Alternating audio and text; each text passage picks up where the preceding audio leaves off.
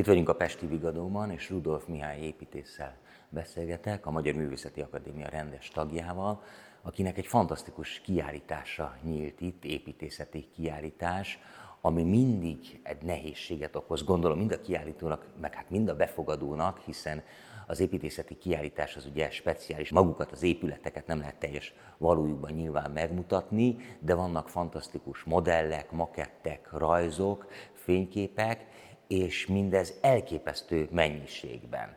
És én megmondom őszintén, meg is kérdeztem az egyik kollégáját, hogy ezt, ezt, ezt mind valóban a Rudolf Mihály csinálta, és mondták, hogy igen, ezt a körülbelül száz tabló van itt, ez körülbelül száz épület. Én nem is értem, hogy hogy volt erre egyáltalán ideje. Ez, ez hogy fér bele egy építésznek az életébe? Hát én elég idős vagyok. 68 éve születtem Szexárdon, és Pécset voltam gimnazista. Ott szívtam magamba sok mindent, de akkor még nem akartam építész lenni régész szerettem volna lenni. Kisiskolába pedig sokat rajzoltam, festettem, akkor meg a művészeti pálya felé vonzódtam. Szerencsére most már így mondom, építész lett belőlem. Hol jött a törés? Mert minden építész azt gondolom, hogy valahol egy kisgyerek volt, aki nagyon szeretett és nagyon ügyesen rajzolt, de aztán hogyan lett a régészetből végül is, vagy a képzőművészet helyett építészet? Végül is minden érdekelt engem. Az alsóbb iskolákban egy nagyon jó rajztanárom volt, aki reménység szerint ma itt lesz a, a megnyitómon.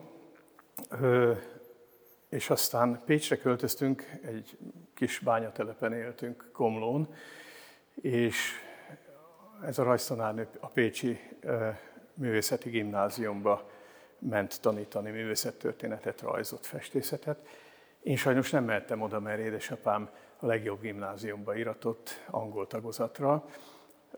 Most már azt mondom, hogy jól tette. Akkor volt bennem egy kis dac, de ezt nem tehettem szóvá, akkor nem volt olyan szabados világ, mint most. A régészet pedig egyszerűen gimnázium éveim alatt nyári munkám voltam régészeti ásatáson, és ez egy barom érdekes dolog.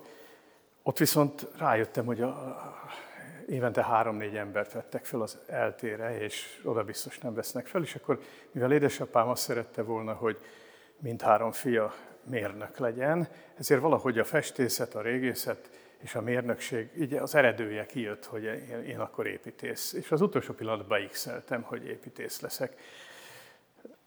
Azt nem tudom, hogy sok vagy nem sok, amit mi rajzoltunk, 44 év alatt lehet ennyit, sőt, sokkal több van, csak ennyit tudtunk most kinyomtatni.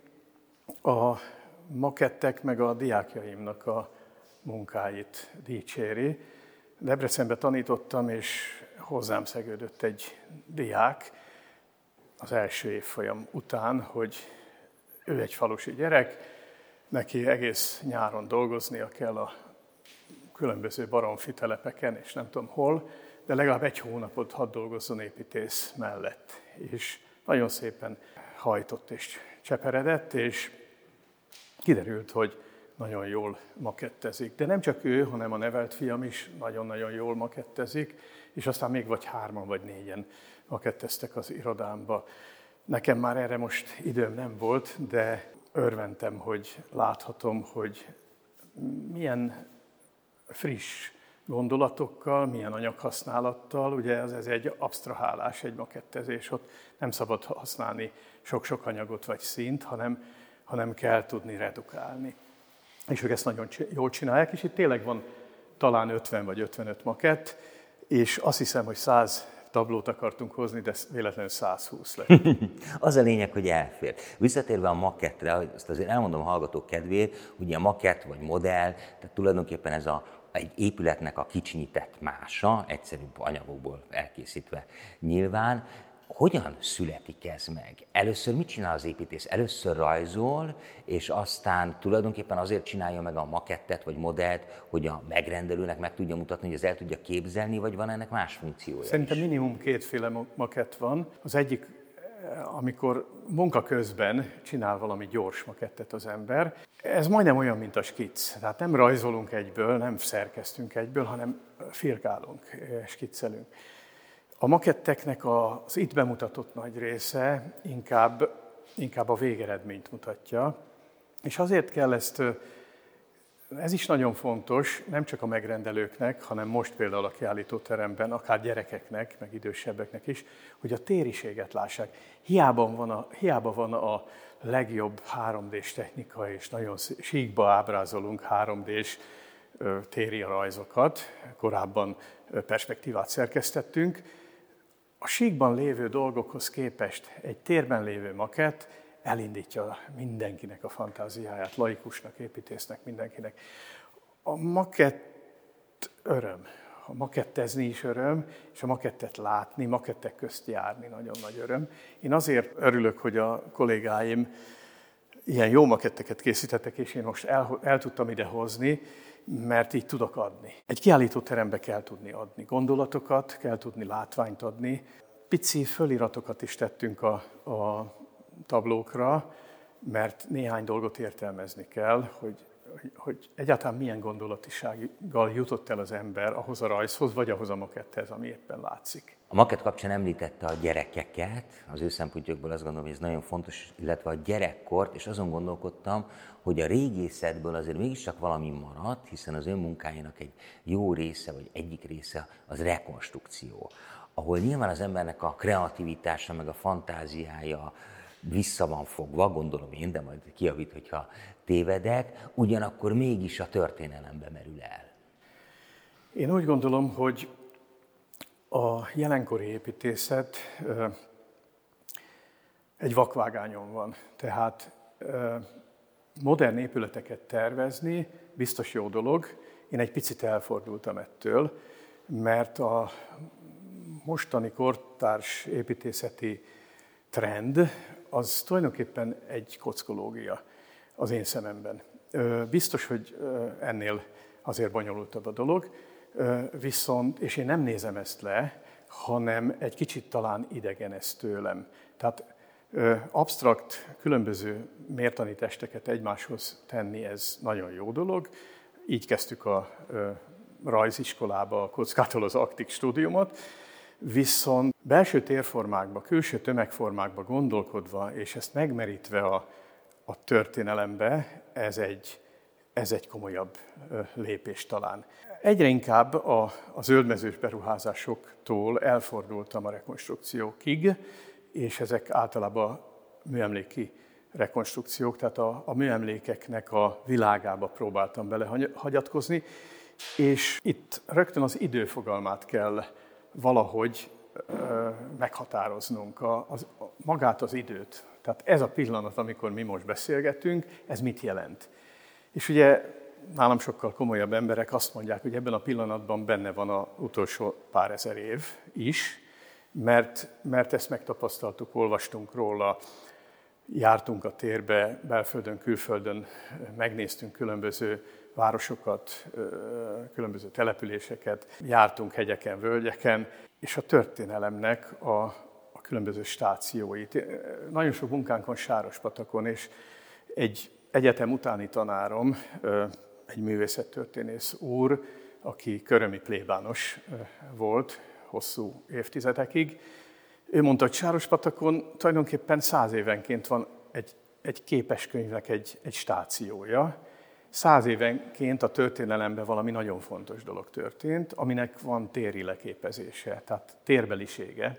Ha ez így igaz, akkor nagyon érdekes gondolkodni ebbe a történelmi tériségbe, illetve ebbe a történelmi időbeliségbe téridő keresztjén élünk. Ez Szőke László építész kollégámtól tanultam, de hát ő is ezt ugye olvasmányaiból tette magáévá.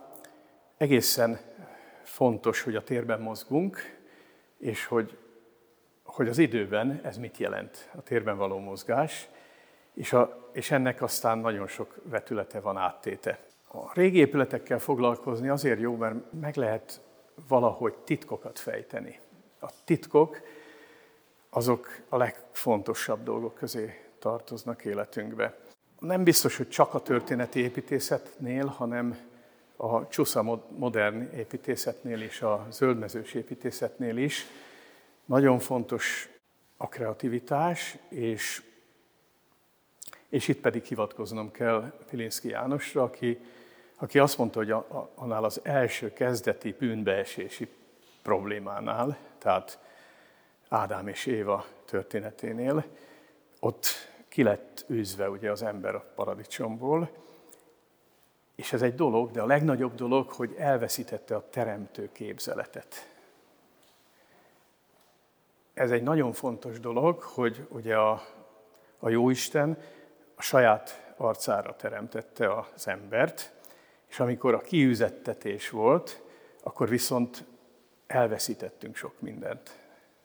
És talán az építészetnek az egyik legfontosabb dolga, de más disziplinák legfontosabb dolga, hogy ez a teremtő képzelet, ez valahogy visszajöjjön. Ebben a házban, ami a Magyar Művészeti Akadémiának a legfontosabb épülete, és tudva, hogy Makovec Imre alapította a Magyar Művészeti Akadémiát, talán lehet mondani, hogy, hogy a teremtést folytatni kell.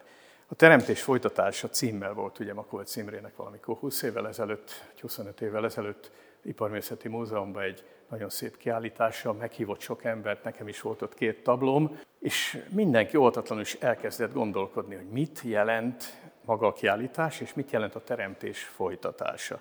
Milyen felelősséggel jár ez. És hát, nem is a bokájáig nem érek, de én is úgy gondoltam, hogy ha egy rangos helyen egyszer kiállításom lesz, akkor nem mindegy, hogy mi a címe ennek a kiállításnak. És hát így választottam végül is a lélek jelenlétet. Tudunk-e lelkesen, vagy lélekteli módon gondolkodni és rajzolni, épületeket tervezni, és hát jelen van-e a lelkünk is, amikor rajzolunk, és várjuk-e, hogy leszálljon ránk a Szentlélek, és ezért teszünk-e bármit. Tehát gondolkodunk-e kreatív módon, és a mi szakmánkba ezt a téri, téridő problémát átgondoljuk-e, és ezt a belső tér és külső tömegformát, ezt elég lelkesedéssel kezeljük-e? Ez, ez egy nagyon nagy kérdés. Jó, hogy szóba hozta Pilinszkit és a társművészeteket, mert hogy itt fölvonulnak a társművészek, társiparművészek, ha úgy tetszik, hogyha rekonstrukciós munkát csinál egy építész, akkor inkább találkozik nagyon régi iparosokkal, olyan emberekkel, akik e- azokat a csodálatos munkákat el tudják készíteni, amik itt ki vannak állítva. Gondolok itt hihetetlen lakatokra, zárakra, kőszobrászokra és a többi. Ez egészen megható, hogy gondolt rájuk is, mert valahogy nem jellemző általában az ilyen életmű kiállításokra, hogy maga a művész másokat is megszólít. Nekem fix a ideám, hogy az építész egyedül nem tud kiállni, nem csak a nagy közönség elé, hanem nem tud a, az épületeivel sem egyedül mondani semmit. Kell a részletképzés. Nagyon jó építészek, nagyon jó részletképzéseket végeznek, mégis valahogy nem mostantól, már a reneszánsztól a művészetek azok azt szokták mondani, hogy leszálltak az épületekről a festmények, meg a szobrok, és eljöttek galériákba. És a, az épületek egyre puritánabbak lettek, és pőrébbek lettek. Régi épületek esetében nagyon jó dolgozni festőrestaurátorokkal, kőrestaurátorokkal, fém és fa restaurátorokkal. Ők, nekik a vérükben van szintén ez az időtlenség, ez a kortalanság. Hatalmas tudásúak, nagyon nagy eszköztárral dolgoznak, állandóan tanulok tőlük, nem akarom az ő szakmájukat folytatni, de tanulok olyan dolgot, ami átvetül a mi területünkre, az építészetre. De dolgozunk képző- és iparművészekkel is, akik művészeti részletképzéseket tesznek új házainkba is. Tehát ha egy ötvös egy szép korlátot megfogalmaz, az lehet, hogy jobb, mint hogyha én megrajzolok valamit, és egy századik lakatos össze, hefteli összehegeszti. Ha egy szép csillár egy nappaliba bekerül, vagy ha egy templomtérbe a fényeknek a játékát egy iparművész megfogalmazza, akkor nagyon jó vele együtt dolgozni. Nem azért, mert kevesebb lesz a munkám, hanem azért, mert az ő szempontrendszerét megismerem. Művészi részletképzésre nagyon nagy szükségünk van. Az utolsó száz évben egyre puritánabbak, egyre egyszerűbbek az épületek.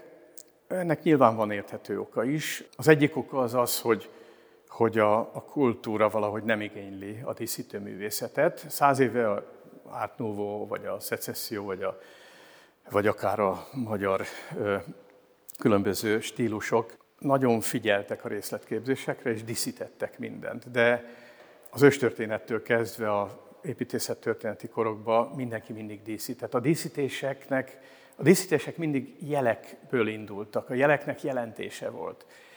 Tehát, hogyha egy Lechner házra fölnézünk, akkor azok a cirkalmak, amik ott vannak, utána lehet nézni a történeti időkbe, hogy ezeket a díszítéseket milyen jelekből, hogy, hogy alakult ennek, hogy formálódott, deformálódott minden.